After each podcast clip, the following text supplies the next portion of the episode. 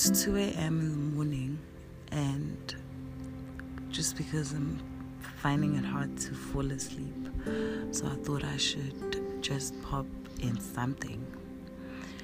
I'm thinking about how we are filled with self doubt, how when the going gets tough, we forget who we are.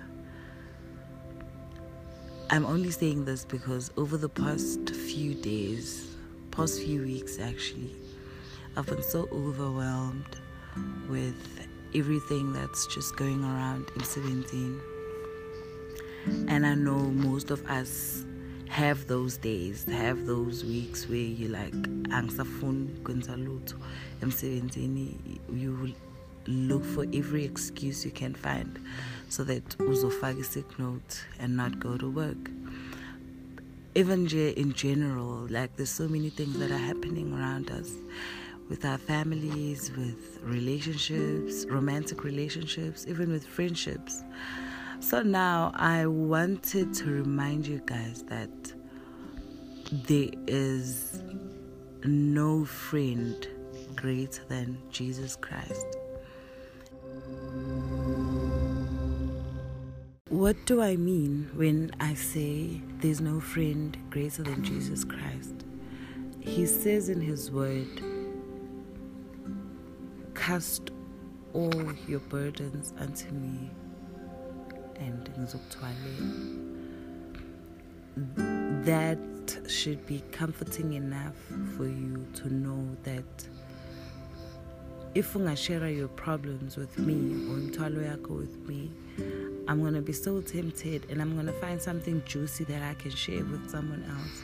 But when you are crying out to God, He will listen. You will find the comfort of knowing that even though His answers and His responses are not to come immediately, but they will definitely come.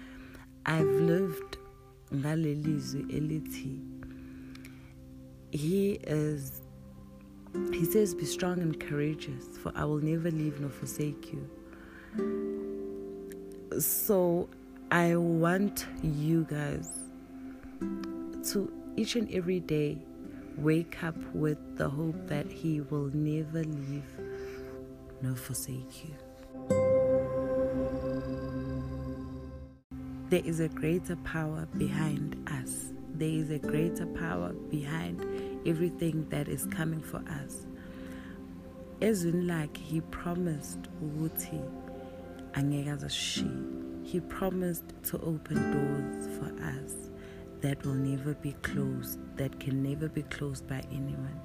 He promised ukuthi the spirit that raised Jesus from the dead, it's the same spirit that is within us. And that same spirit is the same spirit that will go and get our things for us.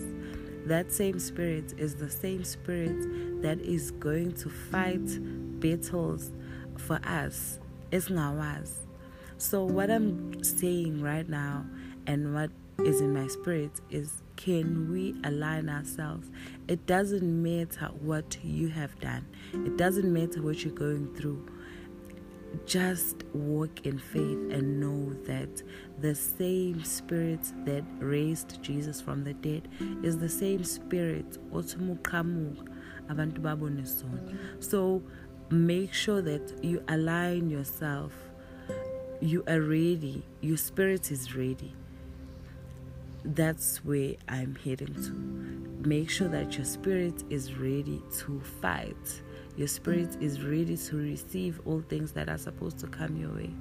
I know ukuthi when things happen umzimba uyakhathala umqondo uyakhathala. Like you feel so attacked.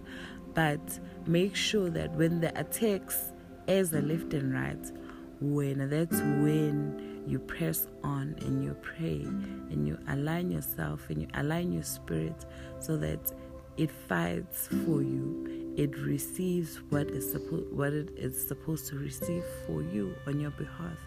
So guys, let us walk in faith.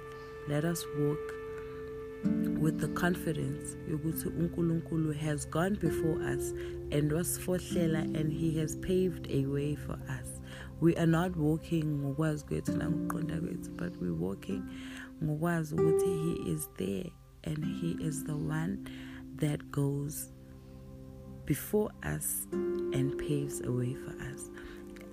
Kumanye ama-verses he says even unwele lethu ngeke asavumela ukuthi lithinteke.